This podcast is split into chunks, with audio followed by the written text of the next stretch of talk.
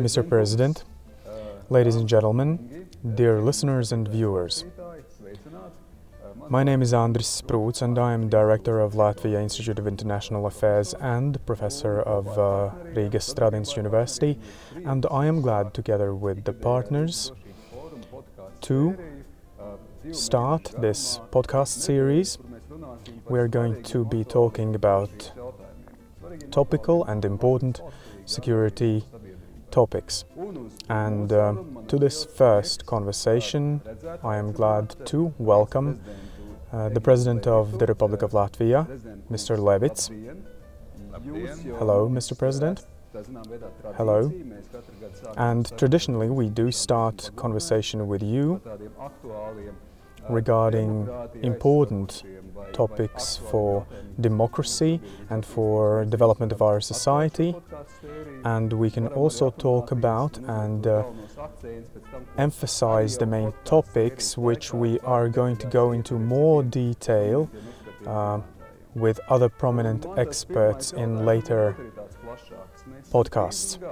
For 30 years now, uh, we are de facto independent, and it is interesting. We have built our state, our democracy, and of course, we have also encountered encountered crises and challenges in building our state. Pandemics being one of the latest currently topical. So, what do you believe are the lessons and maybe even conclusion, conclusions we can uh, draw regarding our state independence during this time? The pandemic indeed is the largest challenge of this generation. In the previous generation, it was regaining of independence, which people fought for and uh, succeeded. Then previously, it was the Second World War. But this generation in the independent Latvia born, this is a challenge for them.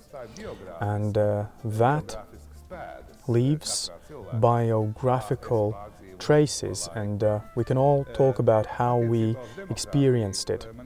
Regarding the democracy, I can say there are two conclusions how pandemics influenced the democracy. And the first one is that the dem- democracy functions also during the pandemic. And that is good news. The democracy, and it is a there are autocracies, uh, half democra- democracies, democracies, and other models, but the democracy functions during the pandemic. We see it not only in Latvia but also in other states. And secondly, if we look closer, uh, we can say that our state, our country, and the rest of the world was not prepared to such challenge at the beginning, to such crisis. It was not prepared, and it uh, everyone was influenced, not just part, but everyone, and we had to change our habits and behavior. And this shift in behavior in democratic country uh, is not that easy, but the democracy is uh, powerful, powerful enough, and uh, we were able to succeed uh, with freedom of speech and action. And we see that there is a large part of the society which, with the limitations now, uh, they don't want to follow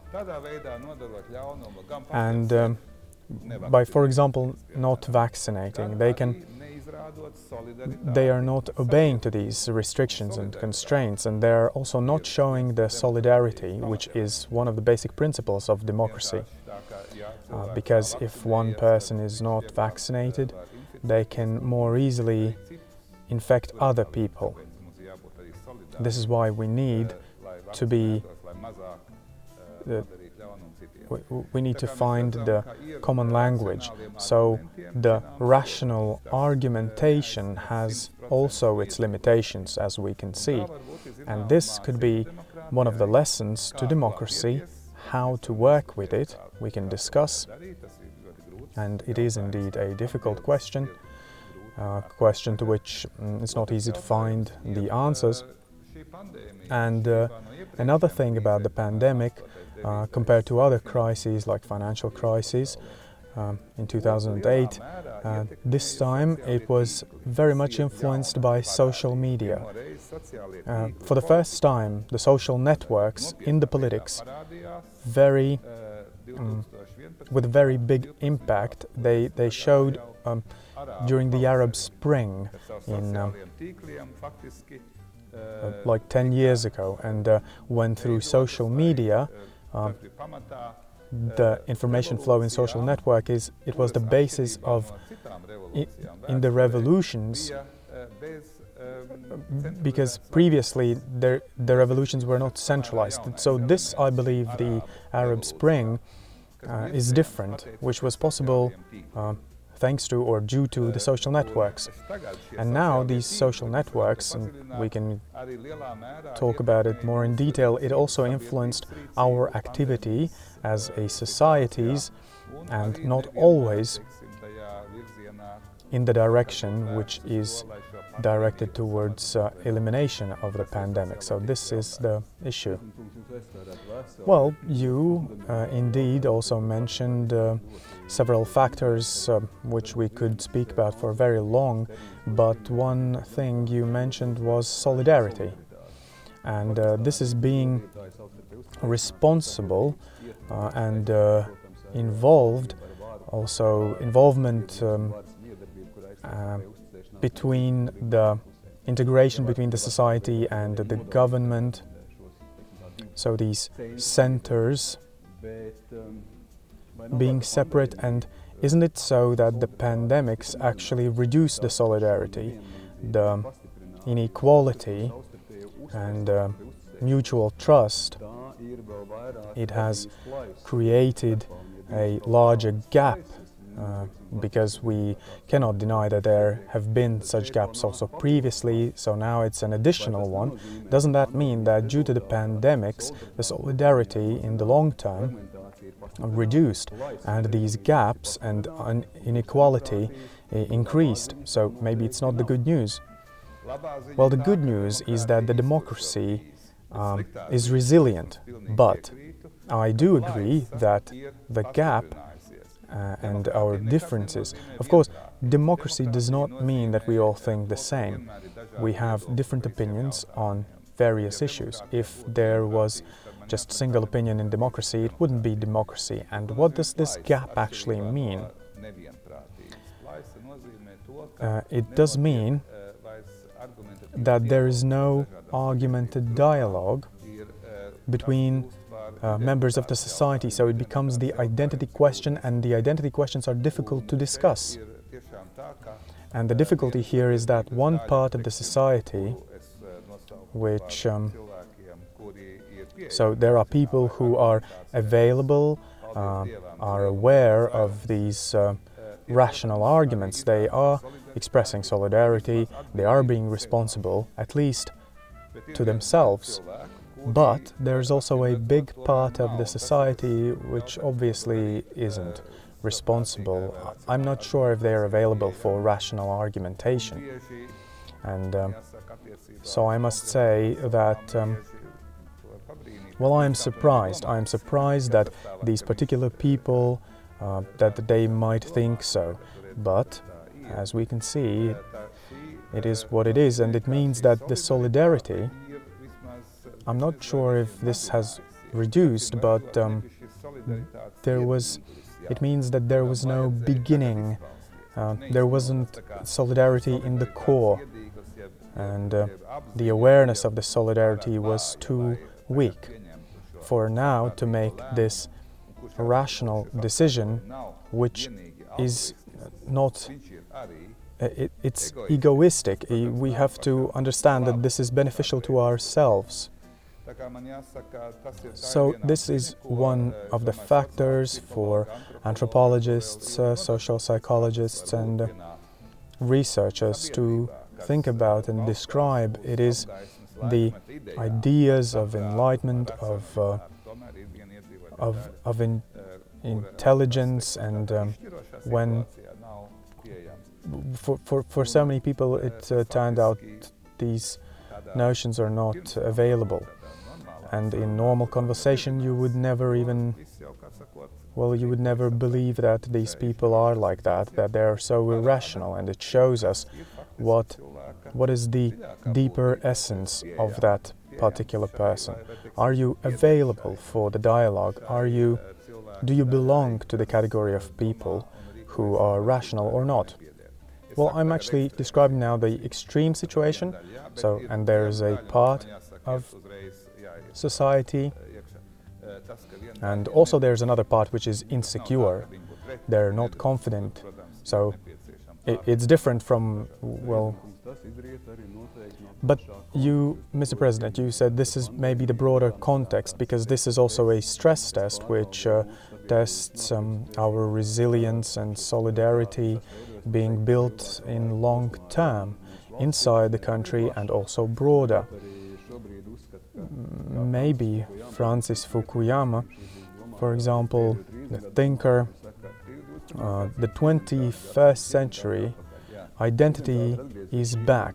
Identity politics, it is, it, um, it is ever more important. So we're talking about um, fear, emotions, uncertainties, and it all covers the dimension of rationality.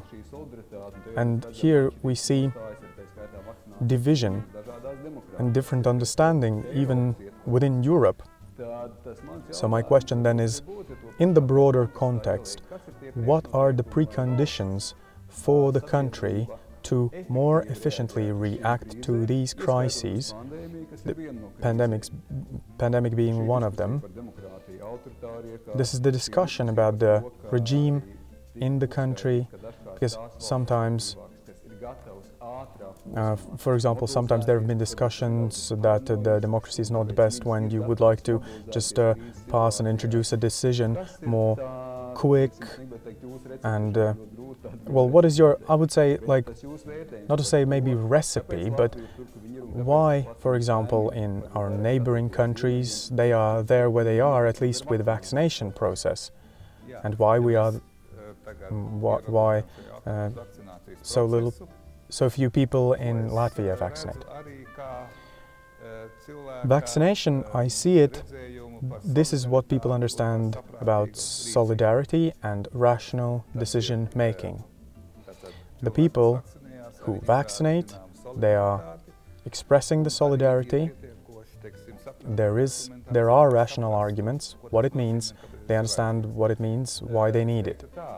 But I want to say that um, there is a role of, say, the democracy means constant learning, uh, learning in the environment of argumentation, um, developing the solidarity awareness towards other people, towards the society. So, it, solidarity has also reasonable uh, factor, and there is also empathy. And in democracy, this empathy the solidarity is uh, being facilitated um, throughout all our lives, and where the democracy is um, has um, um, is, is more traditional, then the people understand it more and they don't reflect on it so much. So maybe we see this is why we see the difference between the countries well, we're speaking about uh, vaccination with um, deeper understanding of democracy, having better results.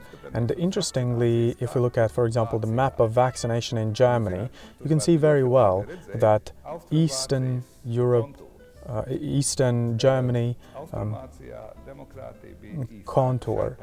So the democracy there ha has not been for that long time. So now it is, uh, of course, a completely different country, but, but as I said, you can see this division. Um, you see that fewer people vaccinate there. Even so, even in, in one country, in one nation, the difference in their development has left its um, traces. This is how I am trying to explain the, the awareness of solidarity. Uh, for 30 years, indeed, we are uh, a democratic state, but um, authoritarian regime, it uh, does not, um, it's usually not that uh, solidarity is not felt that well there. So, as for example, you remember when regaining independence, everybody, uh, everybody was united, and this was existential question everybody understood. But here is a situation where the solidarity has not expressed itself as it's uh, necessary. So, Mr. President, maybe one of the lessons is that to be better prepared for uh, the following crises which may come. So, this is what is going to continue the trend, and this is how we feel being uh, part of the nation. So, building of the solidarity, we need to permanently continue, and this is a very large responsibility and uh, cooperation from the society and also from, from the state, from government. Yes, both from the government and from uh, the citizens, and this division, as we were talking about, and the gap. This is how we enter into thinking like here, there we are, the state, and there, there's the society. Across the river, there's the state, for example. This is how we would say. This perception, it is objectively incorrect. It's faulty, and if we repeat, repeat it for long enough, this um, actually it doesn't help to be more efficient and and united. Now we're talking about vaccination campaign. Well, the people say, what a foolish campaign, and they were asking me, what, what do I think? And I say, well, it does not impact me. Why? Because I belong to the group and category of people, which is the largest part of the society, which understands that it is to my benefit, to the benefit of all the society. I don't need that campaign. But it's difficult to say how it impacts the people who do not have awareness of the solidarity. They do not feel the responsibility to protect themselves. You would say maybe it wasn't harmful, but it must be beneficial. We are the state, we are the society. Yes, and uh, finding the common language between the governments and the society, of course, it's, um, it's a topic, um, it's been alive uh, for thousands of years.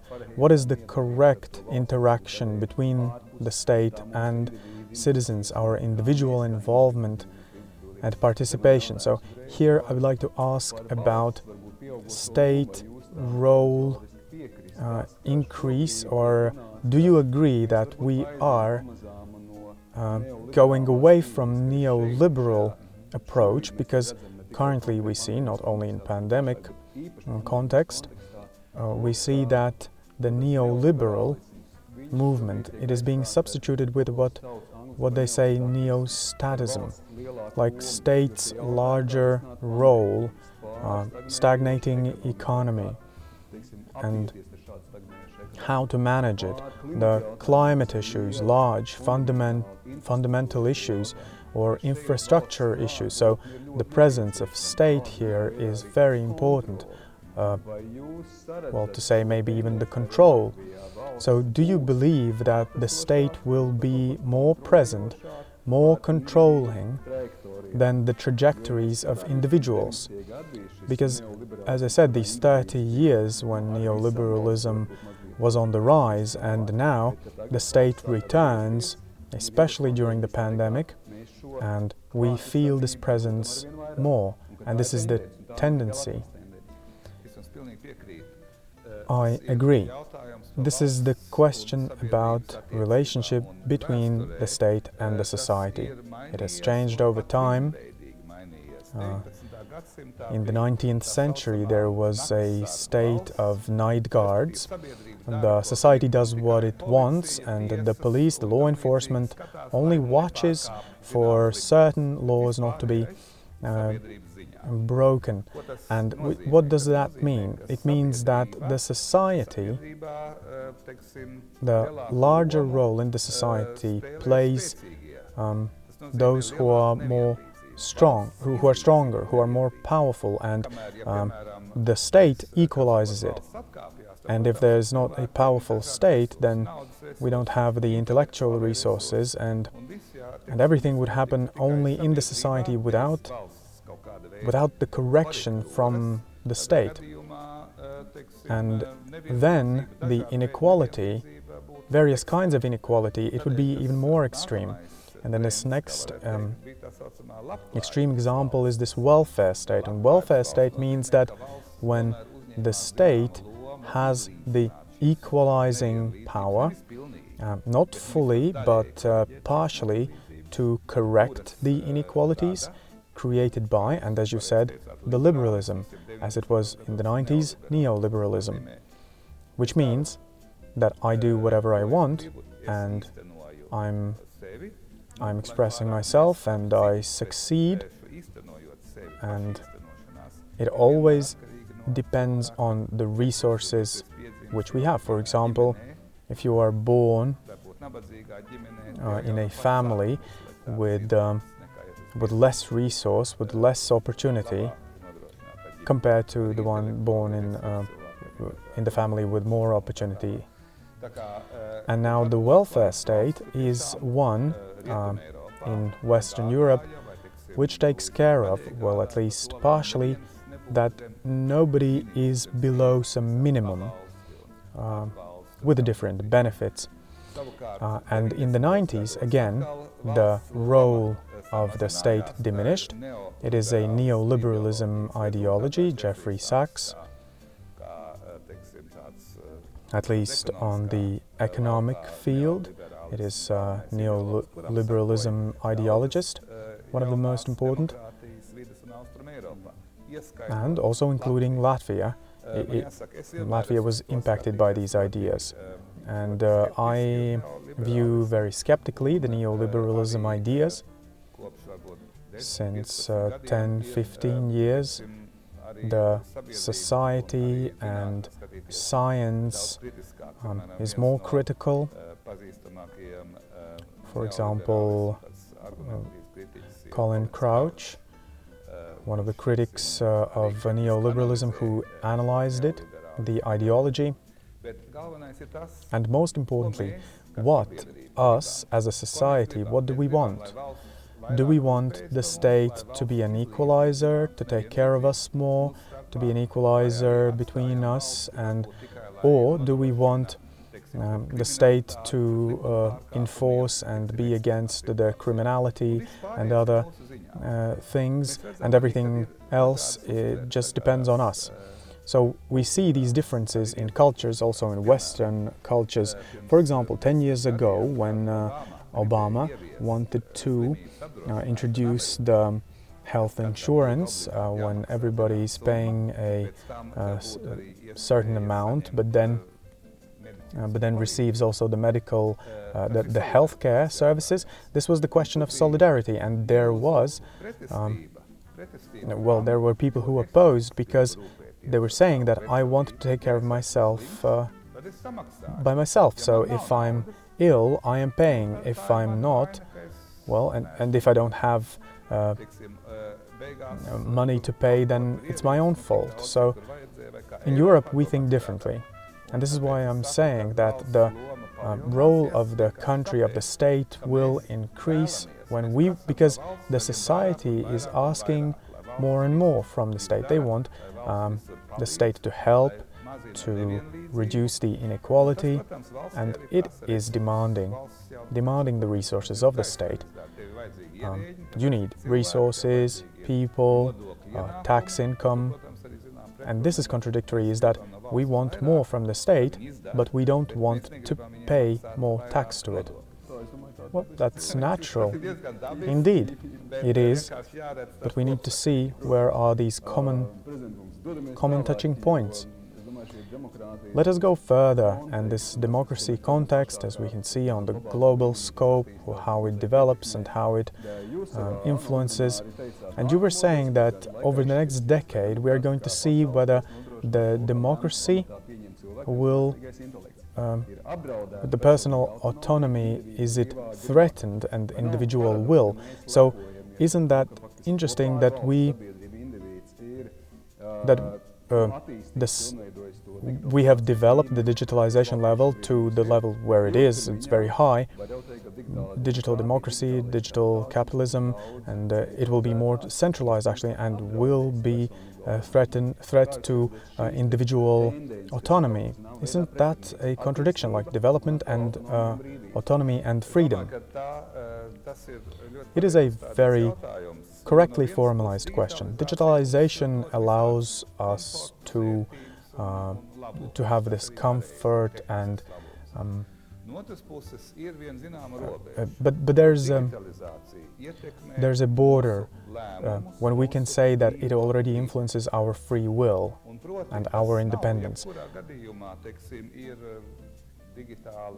For example, digitalization in vehicles.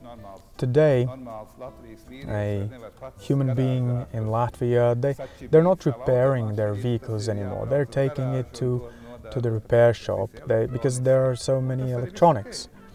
But, um, and, and, here we see this border. It, we, we don't see it. The people do not see it.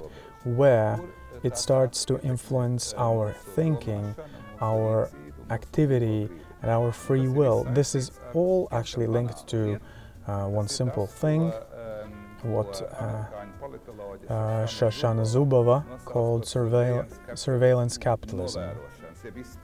Basically, also called it spying capitalism. So we see it in so many areas. Uh, on the phone, we are being watched, we are being analyzed automatically. On the phone, we see it's pretty clear, straightforward. And in this large data, we create the profile on, we, we are profiling the people, the citizens. And if you have the profile of that person, then for you it's easy to, uh, by feeding a corresponding information from the social network, it is, to, it is easy to direct their perception of the world and their opinions. And this is being done primarily for commercial reasons, but actually it has been proven that it can be done for political reasons. China being one uh, uh, example where we understand that uh, spying on an independent individual is both the control mechanism performed by the state and and it is also the mechanism stabilizing the regime and influences the free will of an individual. And also in democratic states, because China is not one of them, we can see that through spying uh, on the people, we can influence their decisions and activity. So, what algorithms are trying to achieve, if we are letting them do it, we as a person, we are actually giving away our freedom of action, um, of our free will and psychologically speaking, whether there's even such a thing, because there are theories that uh, that everything is predetermined, but um, other theories say that there is free will. Um, so uh, we see that people are being manipulated, manipulated very much, and we have to be cautious. If we are not being careful if we are giving away decision making, for example, state uh, on the state level, also military decisions, if we give it away to the machines, in that case, we are losing our position in the world as we believed to be, believed to be still the mm, highest, uh, the most intelligent uh, beings uh, on, in the world. Well, that's a paradox. Um, we, we must remain the ones who control the machines, not the other way around. So this is actually also one of the uh, one, one of the tasks of the democracy. Well, there is uh, a certain point of no return, and this is artificial intelligence question. Um, and the researchers of that intellect say that uh, this point of no return may come in 20, 30 years. So we are still cultivating uh, personal freedom. We are trying to defend it, especially in democracies. But when we are left without Facebook for one day, um, we are we have lost all the communication capabilities. These are the challenges, um, and the presence of state here is important. And how the state, while being present, how do they ensure the this uh, individual freedom? Mr. President, for us to go further, more global question I want to ask you. Has the pandemic not created more challenges? Um, nationalism, pr protectionism, uh, isolating uh, certain countries are isolating um, as being small country isn't that a disadvantaged position. We are like back in the jungle and we are there a small state competing with others. so this is like uh, democracy and freedom on the global scale awareness of that. Well, unfortunately, I do have to agree that the environment we are living in as individuals, as Latvians, as uh, Latvian citizens, it is becoming more hostile. Um, the winds increase. It's not a tornado yet, not a hurricane yet, but the wind is rather strong where we are with our boat sailing in, in the seas of the world.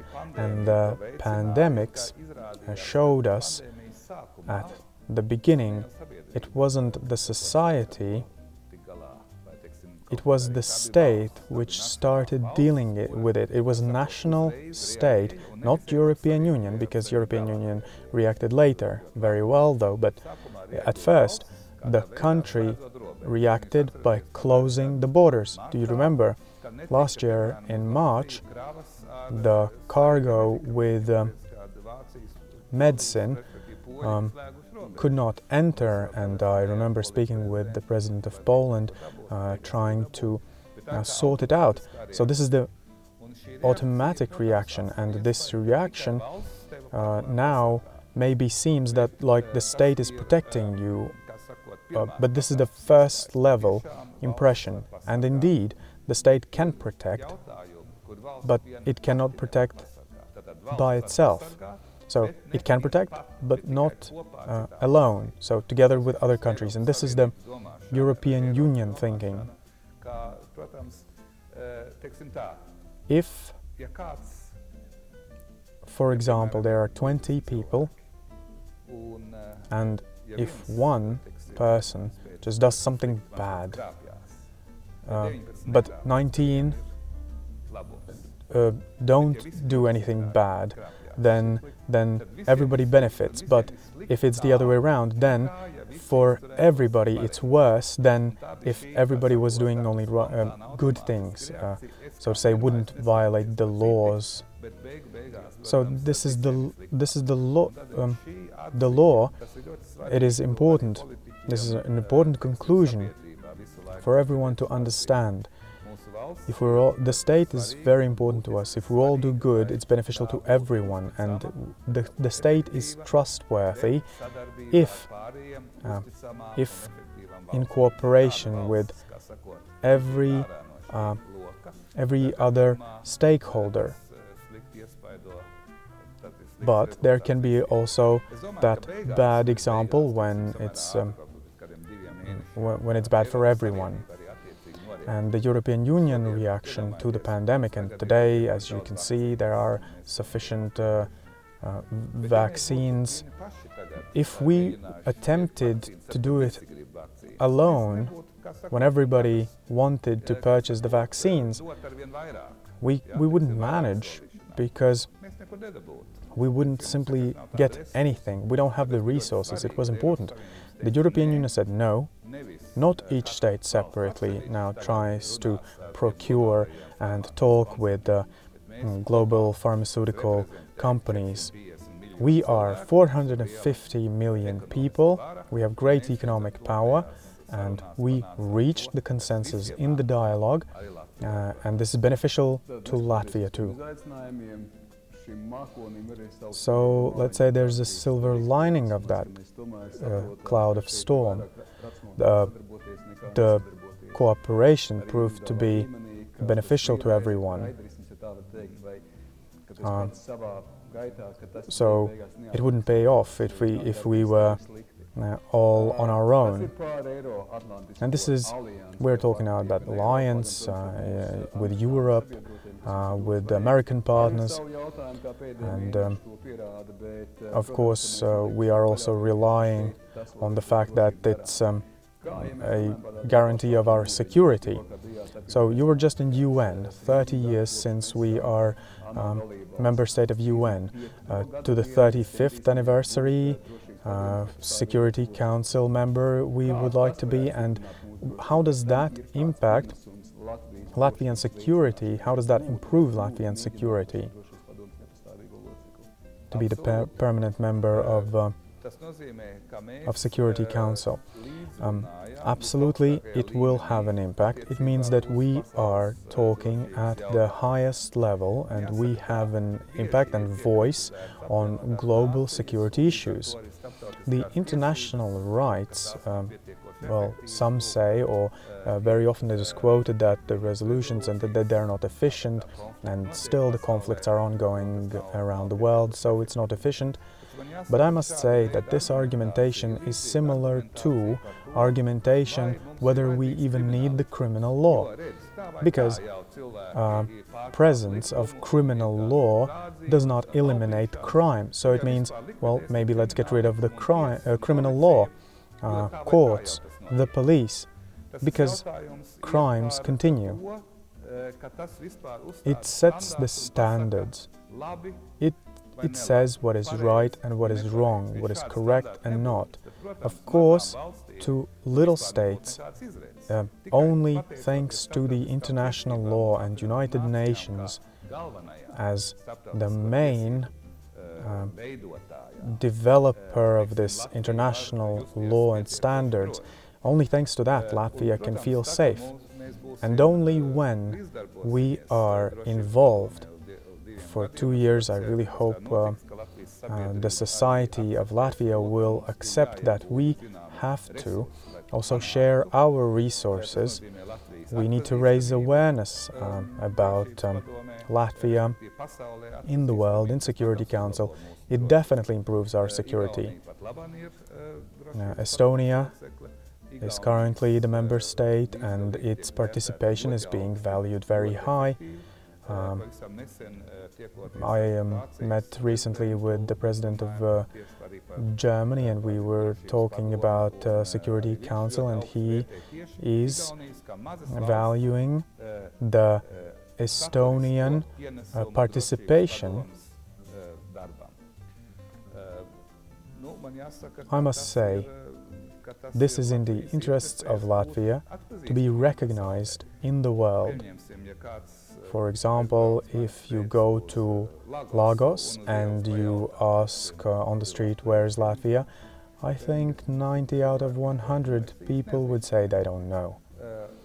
And for you to be even taken seriously and being uh, considered, you have to mm, you have to tell about yourself. Of course, uh, you don't need people to recognize where Valka is or who is, uh, what are the problems in Rezekne. Nobody's interested in that, but we have to be present, and the small state especially has to be present. It's more important for smaller states. It has to have higher qualification of the specialists in their participation. In Latvia, there is a great opportunity now to strengthen our security on the global level. On NATO level, we have it, in EU, we have it, but globally, this, this is just a great opportunity we cannot miss.